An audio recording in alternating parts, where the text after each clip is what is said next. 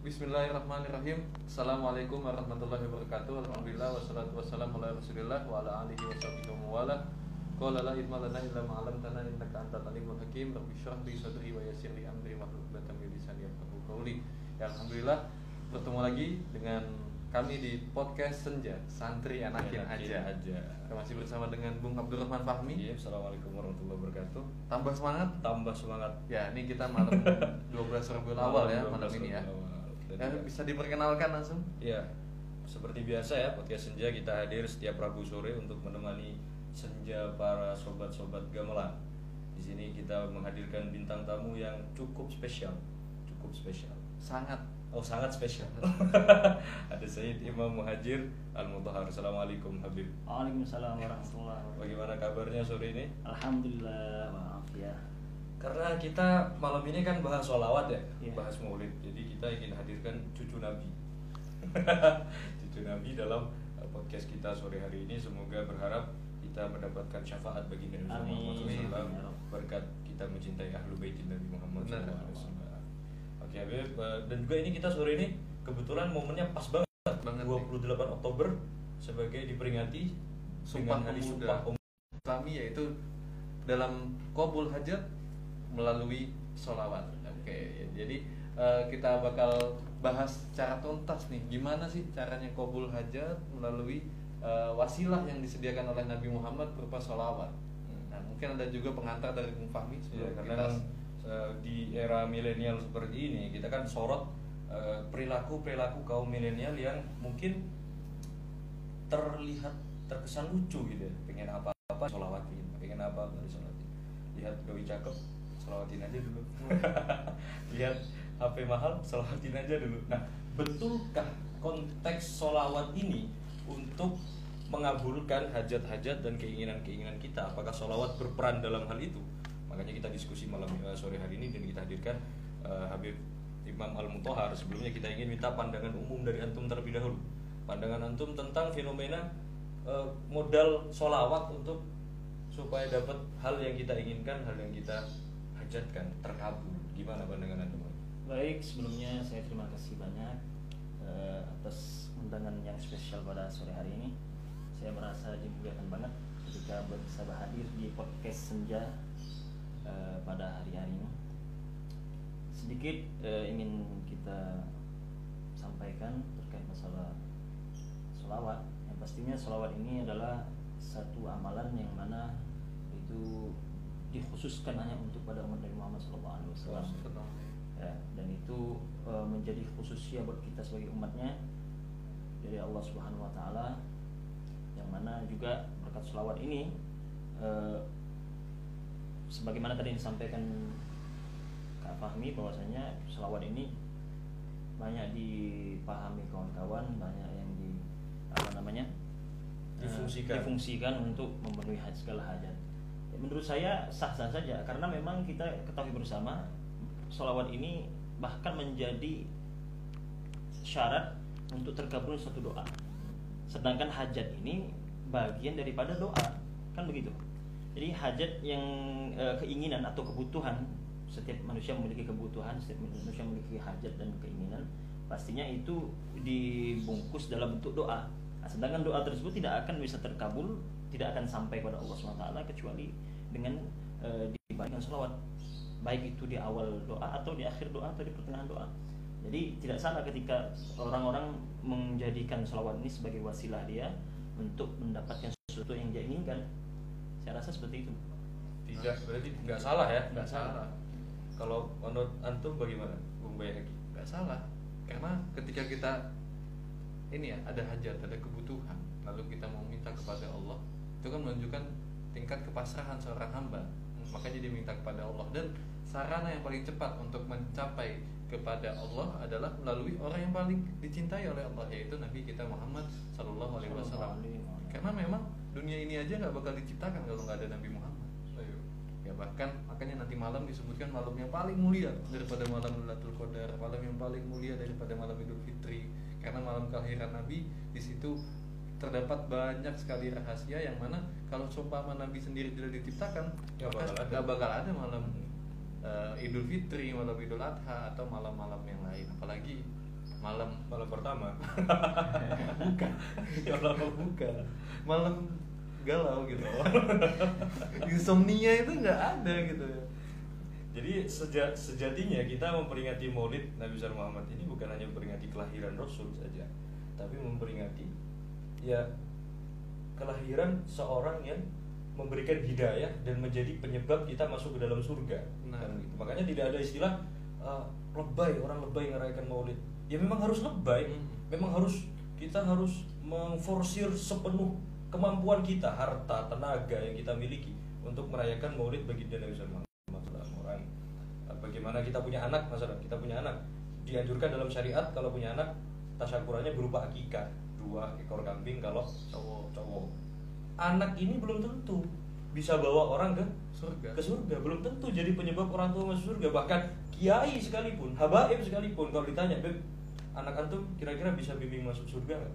Nggak ada yang berani jamin oh do- doakan semoga anak saya jadi soleh. Doakan bisa bimbing orang tua. Itu aja dua ekor kambing. Dua ekor kambing. Sedangkan Nabi yang memang akan menjadi penjamin kita masuk ke dalam surga, apa yang harus kita rayakan? Luar biasa. harusnya lebih ya lebih makanya harus memang kita sadari bersama bahwa bukan nabi yang butuh dimaulidin Hmm. tapi kita yang butuh untuk dirayakan maulid Nabi ini kayak kereta kalau perumpamannya. Nabi itu kayak kereta. Kereta api itu ada nggak ada penumpang, Jalan ya jalan aja. Jadi jangan sekali-kali kita me- apa namanya kalau kita beli tiket kereta api jam 2 siang, jangan kita mau jual mahal agak telat alah jam 4 ya ketinggalan kereta nggak bakal ditunggu. Jadi ayo ikut rombongan Nabi Muhammad malam ini. makanya keretanya. jangan menghalangi maulid Menghalang- Gimana? kita berkata ya gitu ya. Iya. Jadi memang sebenarnya sah-sah saja untuk eh, menggunakan memfungsikan sholawat sebagai wasilah untuk Kabul hajat. kabul hajat. Bahkan ada hadis baginda Nabi Sallallahu Alaihi Wasallam eh, awal ada makna ya. Ida hasyurat ida asyurat alihi hajatun falyukthir salatu alaiya. Jika kita terhimpit oleh sebuah hajat kebutuhan yang mendesak maka berbanyak sholawat kepada baginda Nabi Muhammad Sallallahu Alaihi Wasallam fa innaha eh, takshiful humum wal humum wa tukhrijul kurub wa tuqdal hawaij dan lain sebagainya karena dengan sholawat kepada Nabi Sallallahu Muhammad bisa menghilangkan galau, menghilangkan sumpah, membuka pintu rezeki dan lain sebagainya. nah tapi ini Bib, eh, salah nggak sih kalau kita nih sholawat cuma pas lagi butuh doang atau doa pas lagi butuh doang pas lagi seneng pas lagi bahagia lupa gitu nah itu tolong disadarkan gitu Ya, eh, itu kan sama hal dengannya ketika seseorang butuh pada kita pas ada maunya aja, Hmm. kan gitu. Kita kadang-kadang lu datang sama gua pas butuh aja, waktu eh, sembunyi-sembunyi mana aja, kan gitu. Padahal sebenarnya kalau kita mau pikir-pikir, dia datang pada kita ketika dia butuh berarti dia menganggap kita ini adalah orang yang satu-satunya yang betul eh, yang bisa diharapkan, yang bisa diandalkan kan begitu. Walaupun eh, secara zahir sepertinya dia ini eh, anu kayaknya nggak pantas. Kenapa pas butuh aja datang? Tapi kita harus berhusnudzon bahwasanya dia itu adalah demikian. Beda halnya dengan dengan nabi. Bersolawat ini memang ya kalau kita bandingkan dengan orang yang tidak pernah bersolawat sama sekali masih untung mereka yang masih mau bersolawat walaupun pas butuh Pas saja. butuh kan masih masih masih mendingan kalau kayak gitu. Ya kan? Ya, artinya dia masih mengingat pada Nabi Muhammad SAW kan demikian? Nah, kalau seandainya dengan dia bersolawat itu menjadikan dia nanti lebih baik maka kan itu kan bisa menjadi eh, bersolawat itu menjadi amal rutinitas dia nah, selama dia masih eh, apa namanya eh, menganggap salawat itu adalah menjadi sebab untuk dia tersampai hajat dia bahkan bisa menjadi sebab untuk dia dapat syafaat dari kiamat maka sah-sah saja kalau seandainya dia menggunakan salawat itu pada waktu-waktu tertentu. Tapi lebih baik lagi kita selaku umat sekalipun amal salawat tersebut tidak diwajibkan oleh Allah SWT kenapa saya katakan wajib? Karena Allah sendiri juga berselawat. Karena tidak ada amalan yang eh, yang Allah kerjakan Yang Allah namanya, perintahkan, yang Allah perintahkan kepada hambanya. sekaligus Allah sekaligus juga Allah melaksanakan. melaksanakannya. Allah tegas dalam Al-Quran itu kan. Nah, tapi Allah juga melakukan hal tersebut. Walaupun bersalawat Allah berupa rahmat. Nah, oleh karena itu sekalipun tidak disebutkan di dalam Al-Quran maka kita ini bentuk rasa syukur kita kepada Nabi Muhammad. Kita berhak bersalawat kepada beliau menyampaikan salam kepada beliau menyampaikan salawat kepada beliau. Kan begitu.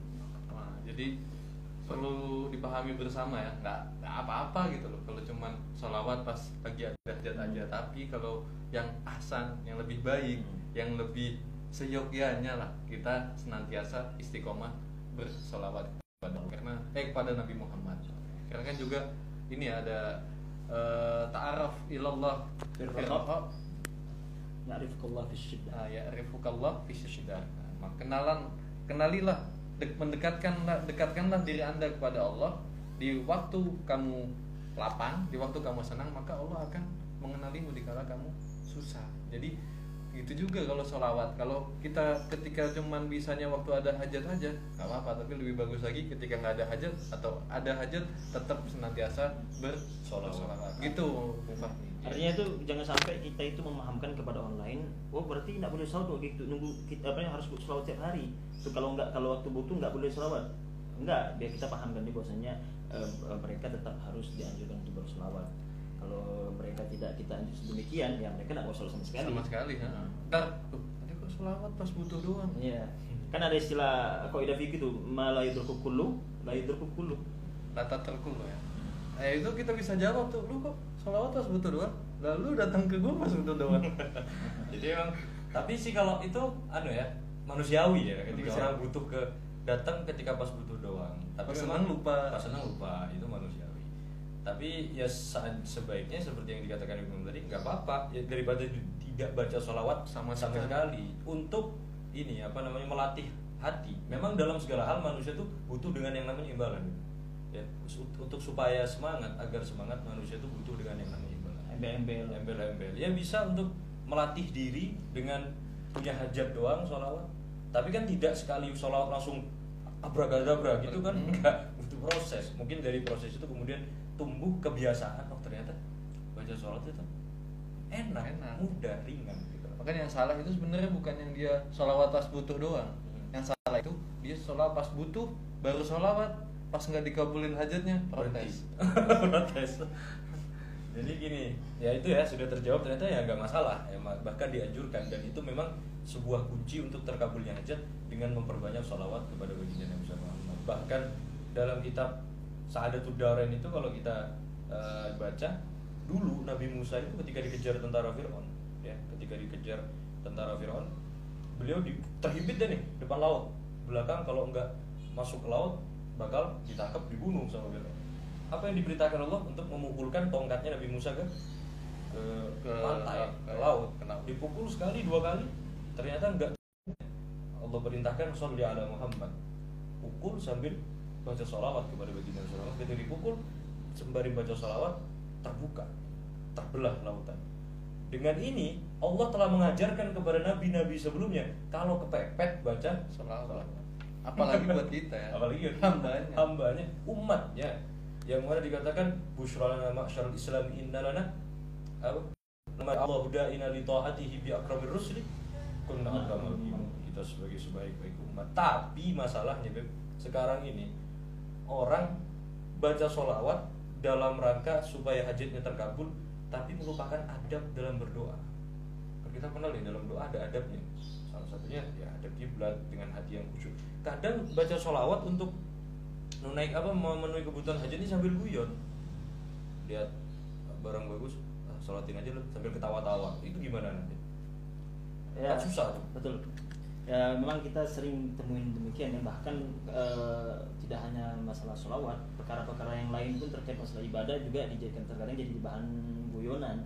Nah kita kan nggak tahu eh, seperti tadi saya bilang dari awal kita kan hanya menghukum zuri saja husnudon kepada dia mungkin memang benar dia bakalan sholawat sholawat itu cuma dibawa guyon sehingga apa namanya eh, dengan apa namanya menampakkan ekspresinya, ekspresinya demikian sehingga eh, dengan demikian dia juga ada keinginan keinginan untuk mencapai yang dia inginkan itu.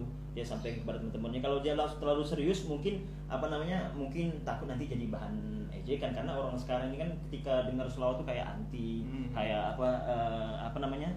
Kayak apa ya terlalu islami banget. Oh ya terlalu islami banget gitu. Jadi diguyonin aja. Ya udah selawatin aja deh gitu loh. Terkadang demikian jadi kita enggak eh, eh, mengharus uh, husnudon saja. Mungkin beneran dia pakai diselawatin gitu. Benar. gitu loh. Harus husnudon. Hati anda kayaknya yang perlu diselamatkan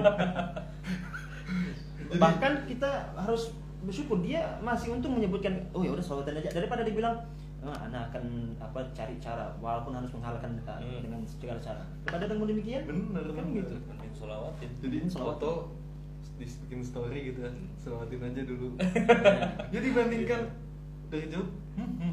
Bahkan- dalam hati kan lihat saja. Bentar lagi kamu akan mati. Daripada lihat rumah bagus terus bilang eh mampir ke rumah gue ya." orang-orang ada ya- jahiliyah ini. Kan bisa jadi orang-orang yang mungkin ketika dia pasang status demikian ya orang-orang yang melihat status dia ternyata ada di antara orang yang melihat itu jadi Betul tergerak ingin bersolawat. Hmm. kan subhanallah. Dan menurut saya menurut ini juga dan kalau bisa nggak itu kita korelasikan dengan syair yang sering kita dengar ya adimi sholat ala nabi muhammadi fakobuluha hatmun biduni taratudi amaluna bainal qabuli wa raddiha ila sholat. Berarti kan pasti pasti diterima. Solawatnya solawatnya untuk hajatnya? Nah, kalau untuk hajat ini ya, kita eh, pernah karena pernah mengutip satu cerita. Jadi memang cerita ini ada cerita yang eh, zaman dulu, bahkan cerita yang era nos juga sekarang ada. Kadang-kadang orang kan kalau diceritakan dengan zaman-zaman dulu tuh sekarang kayaknya Percaya. kurang percaya. Tapi kalau ketika kita ceritakan, tapi akan saya ceritakan secara singkat dari dari apa namanya dari cerita zaman dulu sampai eh, Zaman now. zaman now sekarang ini terjadi terbukti berkat selawat ini tadi.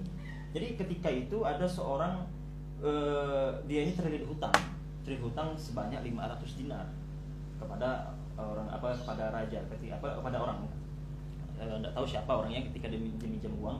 Akhirnya ketika dia eh, jatuh tempo dia tidak mampu membayar orang yang memilih eh, orang yang meminjamkan uang tersebut akhirnya orang itu melaporkan kepada kodi. Kodi ini eh, se- sebagai hakim di pengadilan agama pada saat itu. Akhirnya ketika dilaporkan dia dibawa ke sana ditanya betul kamu hutang kamu tidak bisa bayar? Karena kodi dengan bijak menetapkan hukum dia harus di harus dihukum harus dipenjara namun dia meminta waktu meminta waktu agar agar apa namanya agar eh, dia dikasih tempo untuk satu hari saja dia akan memberitahu pada so- eh, keluarganya istri dan anaknya bahwasanya dia akan ditahan karena sebab dia itu Tidak bisa bisa bayar. hutang. Nah, karena terus apa jaminanmu? Kata beliau. Jaminanku adalah Rasulullah karena apa namanya eh, mereka sama-sama orang Beriman. orang yang berilmu juga kodinya maka dikasih izin. Ketika dia pulang dia sampaikan kepada istrinya bahwas- bahwasanya dia memiliki hutang eh, kalau dia tidak bayar sudah jatuh tempo maka dia akan dipenjara. Maka dia mengajak istri untuk membaca sholawat sebanyak-banyaknya sampai dia tertidur. Ketika dia tertidur sama istrinya tadi maka dia bermimpi ketemu Rasulullah SAW dan mimpinya Rasulullah mengatakan kepada dia kau ambil uang kepada apa namanya kepada si fulan. Kalau nggak salah dalam cerita tersebut adalah raja. Kau ambil uang kepada dia. Karena dia eh, apa namanya eh, pada hari itu dia lupa hitungan selawat yang seharusnya dia per hari membaca itu seribu tapi pada hari itu dia nggak sampai seribu. Maka sebagai gantinya kamu mengambil uang 500 dinar kepada dia. Bilang itu dari saya. Kalau seandainya ditanya mana buktinya? Buktinya kamu tadi malam tidak sempurna membaca uh, selawat tersebut sampai seribu. Akhirnya ketika dia bangun sama istrinya dia pun pergi ke sana menuju orang tersebut dan orang tersebut uh, dia sampaikan isi mimpinya orang tersebut tanya kamu apa buktinya kalau aku mimpi pada Rasulullah buktinya kata Rasulullah kau tadi malam tidak sempurna membaca seribu tersebut ketika dia sampaikan demikian benar akhirnya dikasih uang 500 uh, dinar tersebut dia senang sudah dia akan membawa ini kepada Nah, kodi tadi ingin diserahkan kepada orang yang dia berhutang. Ketika dia ingin sampaikan kepada kodi, ternyata kodi tersebut juga datang kepada dia nangis. Kenapa kata kamu nangis? Ya, karena aku tadi malam didatangi oleh Rasulullah. Rasulullah SAW nyuruh uh, memberikan uang sebanyak 500 dinar kepada engkau. Akhirnya aku uh, memberikan uang ini kepada engkau. Dan juga orang yang menghutangi dia, dia juga datang menangis, memberikan apa eh, mengatakan bahwasanya tadi malam dia juga didatangi oleh Rasulullah. Kemudian dia memberikan uang sebanyak 500 dinar. Subhanallah, berkat dia bersolawat pada Nabi Muhammad, maka Allah SWT lunaskan hutang bahkan uang dia jadi bertambah. Kan itu kan suatu yang luar biasa. Memang secara akal solawat ini kita eh, orang ketika memiliki hajat dengan dia eh, bertawassul melalui, melalui solawat, memang secara nalar memang tidak bisa di, eh, dijangkau, Sulit, sulit. untuk Sulit dijangkau. dijangkau. Tapi Allah punya kehendak, ya kan? Ki- eh, Rasulullah sebagai jaminannya, maka sangat mudah sangat mudah tidak ada yang mustahil bagi Allah ketika kita menyandarkan kemampuan kita kepada apa kita menyandarkan eh, Hajat kita. hajat kita kita hanya serahkan kepada Allah SWT tanpa kita mengandalkan kemampuan kita gitu loh yang zaman now mungkin Fahmi ceritanya kalau mau lomba baca sholawat kan Boh, jelas. Jelas, ya? saya baca sholat busyro luar biasa emang busyro itu. Busyro itu ya memang yubashir sawah betul-betul membahagiakan. Karena kan katanya kalau mau lomba tuh deg-degan gitu loh deg-degan memang. Dan apalagi nasional lawan nasional dan minim persiapan seperti eh, Sekolah lain ya? sekolah lain. Jadi kita kan sering lomba tuh dadakan. Ya nggak ada lagi sudah amalan kita. Selain tawasul Abu Hasan dan juga baca sholawat kepada Syekh Muhammad kebetulan yang kita baca adalah sholat bushro dan itu nyata banget nyata banget. Buktinya saya sendiri.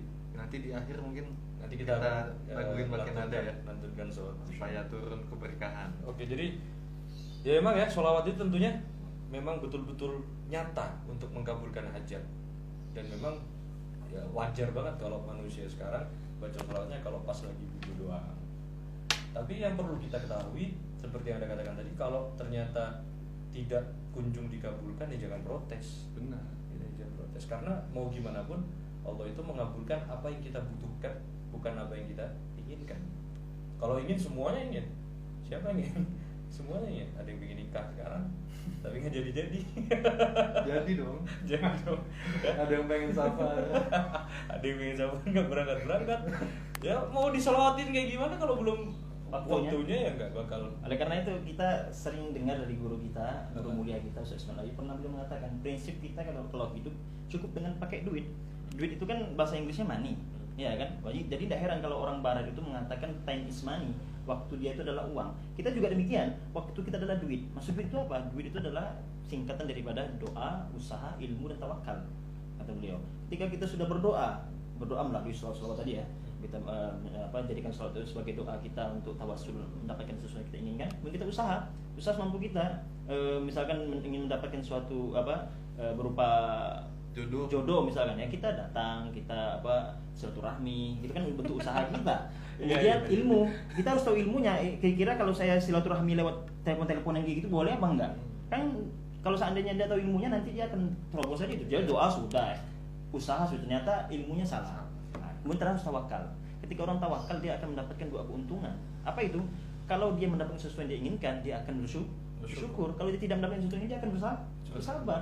jadi orang yang bertawakal Simple hidup itu. simple. Jadi doa udah, apa Usaha usaha sudah. udah, ikhtiar udah, tawakal udah. Kalau belum ya sepi. jangankan selawat Nyepiknya nyepik Rasul pakai sholawat. itu ya ini ya. Jangankan sholat pak. Jangankan doa. Orang nih. Ya kan? Ninggalin rebahan aja kalau butuh. Heeh. lagi asik-asik rebahan. Kok lapar ya? Baru dia mau berdiri.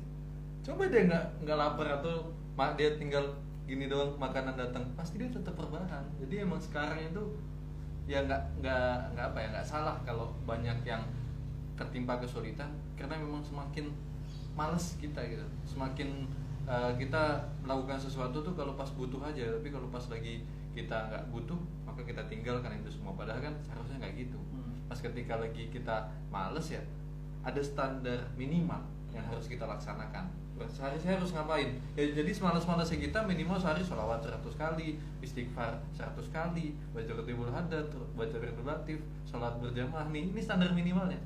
Tapi kalau pas rajin ditambah. Ditambah. bukan kalau rajin jadi malaikat kalau males lebih setan daripada setan.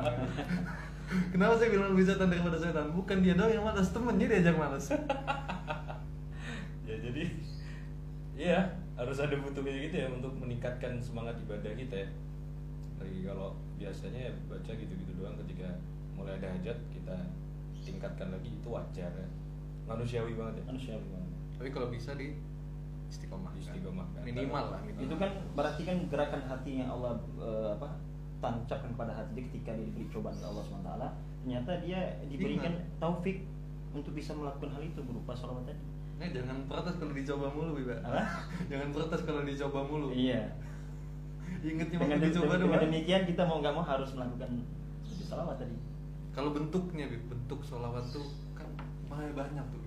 Banyak. Teman-teman juga ya gimana ya sholawat? Apa sih? Kayak gimana sih kayak caranya kita bersolawat tuh? Apa dengan kalimat yang mana atau dengan eh, bunyi yang mana? Nah, itu tolong dijelasin.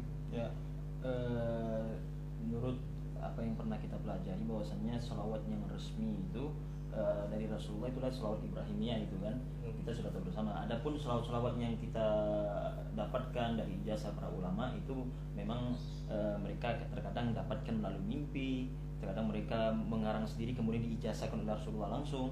Jadi apa namanya eh, itu merupakan eh, apa namanya? Jadi kalau saat ditanya misalkan sholawat ini apa, harus ber- berupa apa, bentuk apa?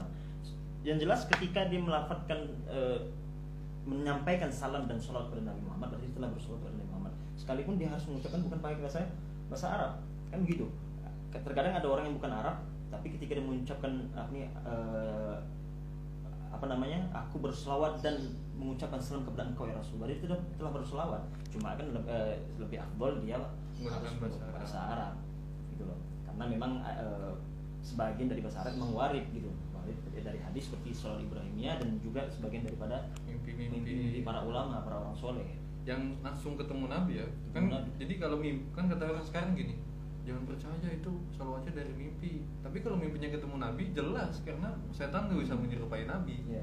ya kayak tibil kulu kan kalau kita sakit katanya bacanya tibil kulu kalau ada hajat baca selawat apa nariyah atau selawat eh, apa selawat bushro ya dan apa selawat selawat lain ada juga kalau kita lagi kehilangan barang kita baca selawat yang ini tapi minimal yang paling pendek tuh selawat yang kayak gimana Bib? yang paling pendek soalnya ini kaum berbahan susah aduh Ya.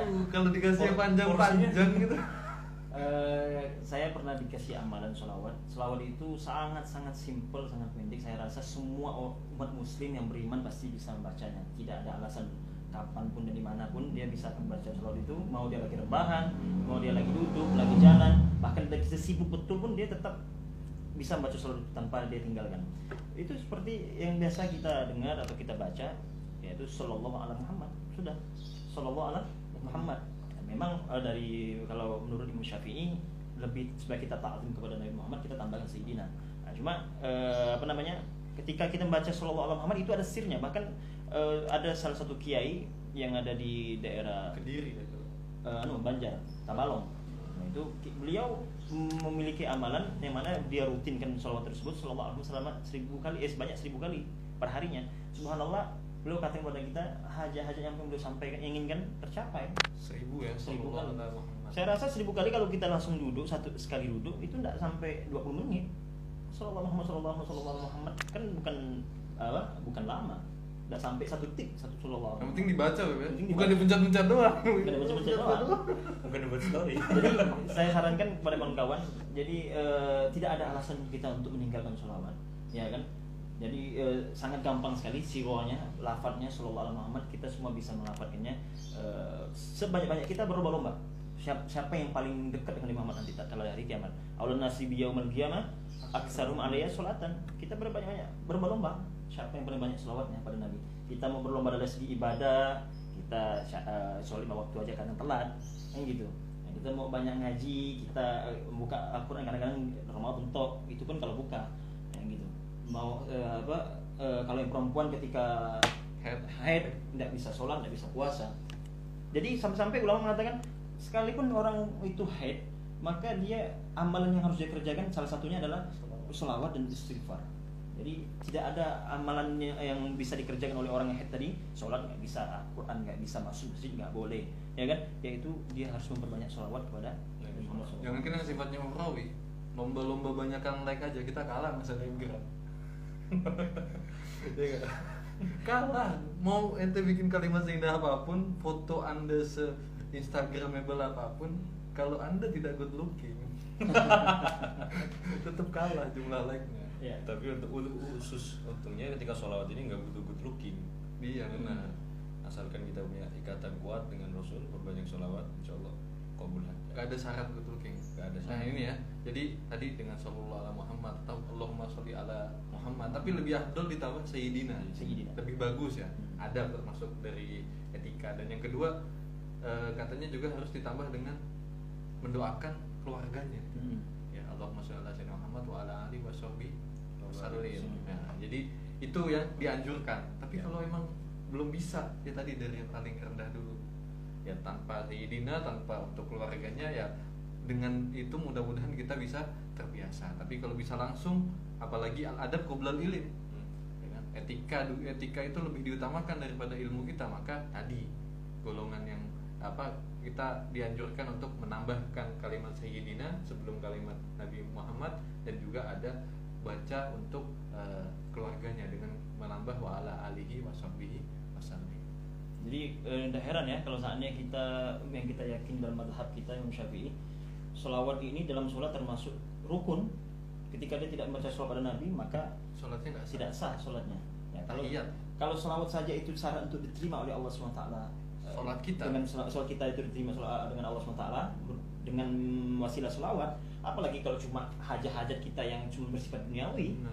pasti lebih lebih lagi tidak ada yang mustahil gitu loh Nah, yang penting keyakinan kita sampai mana kepada Rasulullah SAW kalau kita cuma baca selawat uh, uh, baca selawat secara lisan saja tapi hati kita tidak ada pengagungan kepada beliau ya itu sama aja bohong Ya, maka ditambah ya kan.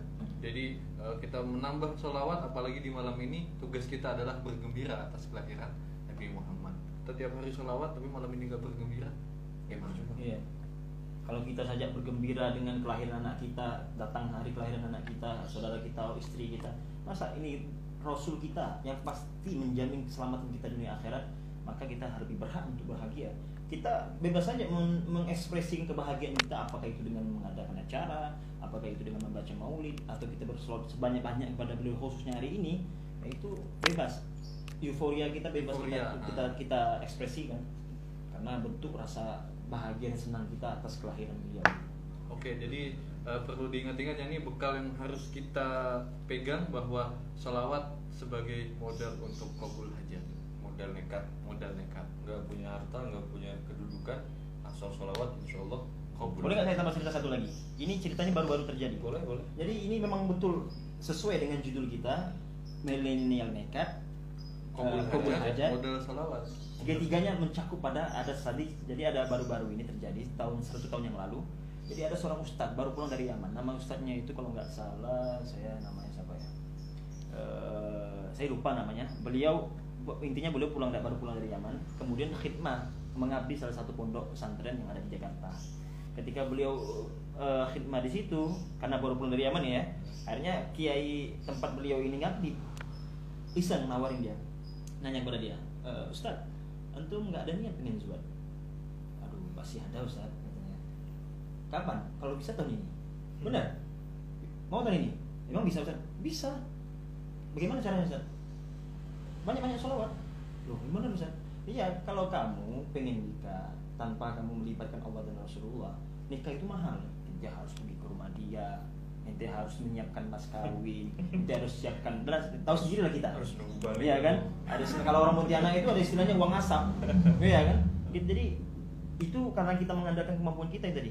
Kita tidak bakalan su- eh, bakalan bisa. Sedangkan kiai ini tahu kondisi ustadz ini eh, Seperti ekonomi apa? seperti apa tahu beliau jadi bagaimana eh, kamu amalkan selawat karena saya sudah mengamalkan eh, selawat tersebut saya ketika itu dililit oleh utang banyak sekali saya amalkan selawat ini sebanyak 4444 kali selama 40 hari berturut-turut. Saya baca apa? Allahumma sholli ala Muhammad Sayyidina Muhammad wa ala ali Sayyidina Muhammad. Gitu toh sebanyak 4444 kali.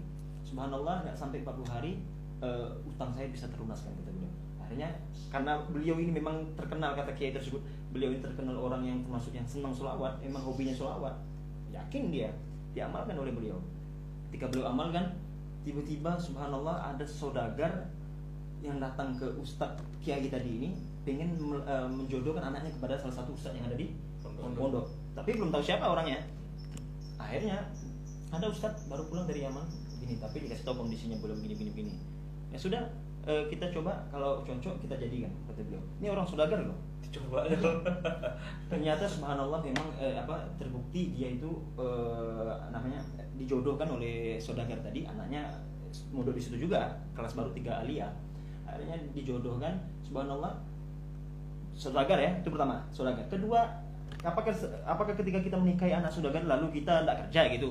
Kan tidak mungkin. Ternyata dia juga diberikan tokoh oleh apa namanya Mertuanya. mertuanya tadi untuk "Ah, ini buat kamu. Seperti supermarket kalau modalnya itu mungkin kata beliau yang kiai ini kurang lebih hampir 500 juta modal untuk supermarketnya doang itu. Ya. artinya apa? Ketika kita eh, apa namanya memiliki hajat seperti cerita beliau tadi ini beli- kita membaca selawat apalagi selawat yang memang sudah diijazahkan selawat yang memang sudah warid lebih-lebih kan demikian. Insya Allah hajat kita akan terkabul dengan syarat kita membaca selawat tersebut dengan yakin kita eh, apa namanya eh, ber- tunjukkan rasa bahwasanya kita ini mengagungkan Rasulullah melalui selawat tadi memuji beliau insya Allah hajat apa pun akan kita dikabul oleh Allah SWT cuma kan masalah waktu. Nah, itu yang harus kita eh, harus kita sabarkan. Ya nih mumpung nanti malam maulid kita puaskan diri ya untuk bersolawat. bermanja-manja dengan apalagi kalau mau memulai yang 4444 wow, mulainya pas malam maulid insya Allah diijazahkan? Insya Allah eh, saya pun belum mengamalkannya ya. Tapi kita di sini sa- sambil berbagi apa yang kita dapatkan ilmu-ilmu dari guru-guru kita Insya Allah eh, kalaupun kita belum mampu untuk mengamalkannya paling tidak antum-antum yang eh, ikut hadir eh, nonton IG apa live IG kita ini Insya Allah mungkin antum lebih berhak mungkin antum juga mendapatkan apa yang antum inginkan berkat selawat yang dibaca sholli ala sayyidina Muhammad ali sayyidina Muhammad. Kalau kita baca itu selama 4 sebanyak 4444 kali satu kali duduk itu nggak sampai 2 jam kalau memang niatnya serius. Kalau orang pengen punya hajat dia nggak punya duit, Hmm. eh, baca selawat sebanyak itu nggak mau, ya terus mau apa? Kan gitu. Dia pengen punya Gojek aja mesti naik mesti ngegas gitu ngegas satu malaman Sematic-maticnya belum tentu dapat uang sebanyak yang dia inginkan cuma modal dia selawat nggak ngapa-ngapain cuma duduk dua jam baca selawat. Dia dapat sesuai yang diinginkan bahkan dapat pahala. Dan tidak hanya sampai situ dia dapat selawat dia dapat syafaat dari syafaat. itu kurang apa lagi coba?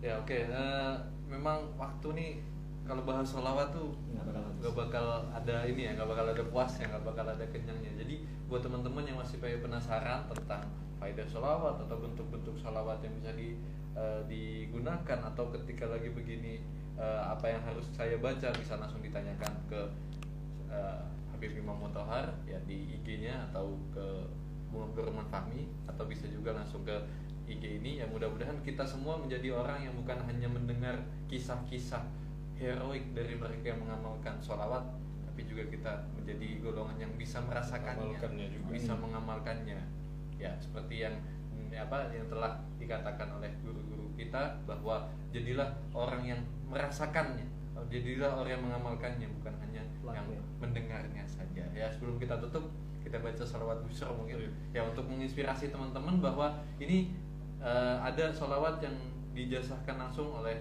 guru kami yaitu Ustaz Zikau Baharun di mana eh, teks hadis teks salawatnya eh, langsung di- didapat dari mimpi yang diimpikan oleh salah satu anak dari Abu Hasan Baharun ya kita baca bareng-bareng ya. Mudah-mudahan Berkah turun eh, berkah salawat ini turun rahmat Rahmat. turun syafaat kita hajat. kabul hajat maksiat minggat. Maksiat minggat. Insya Allah oke soal monggo dibimbing Monggo kita baca bareng-bareng ya. Allahumma salli وسلم على سيدنا محمد صاحب البشرى. صلاة تبشرنا بها وأهلنا وأولادنا وجميع مشايخنا ومعلمينا وطالبتنا وطالبتنا. من يومنا هذا إلى يوم الآخرة. اللهم صل وسلم على سيدنا محمد صاحب البشرى. صلاة تبشرنا بها وأهلنا وأولادنا. مشايخنا ومعلمينا وطلبتنا وطالبتنا من يومنا هذا إلى يوم الآخرة.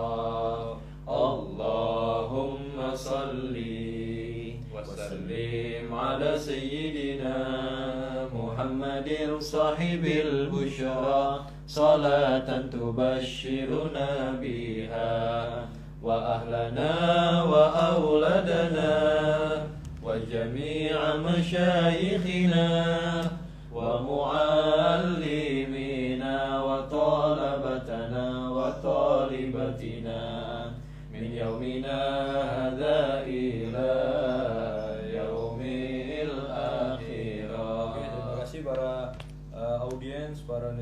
para sobat-sobat gamelan yang telah bergabung di live Instagram kita pada sore hari ini. Tetap nantikan episode selanjutnya dari podcast Senja Santri Enakin aja. Aja. Bareng-bareng kita kampanyekan gamelan, gerakan milenial lawan rebahan. Insya Allah setiap Rabu sore kita akan hadir di Instagram by Haki 13 untuk berdiskusi seputar problematika hal-hal milenial dan yang ketinggalan siaran langsungnya mungkin dari awal tidak ngikutin masih disimpan di uh, IG. IG-nya Atau 13. bisa langsung cek di Spotify. Atau cek di Spotify podcast. Senja. Insya Allah dua hari ke depan kita sudah akan upload ya. Oke. Oke, terima kasih atas kebersamaannya Habib Imam Mutohar Ya. dan juga para kru yang bertugas pada sore hari ini. Terima kasih atas kebersamaan para audiens yang ada di rumah. Saya Abdurrahman Fahmi Saya Muhammad Ilham Baihaqi. dan Saya Imam Muhajir Mutahar. mengucapkan terima kasih. Wassalamualaikum Warahmatullahi wabarakatuh. Ya gitu ya. Baik. Gila, kali ini. Bisa madul kata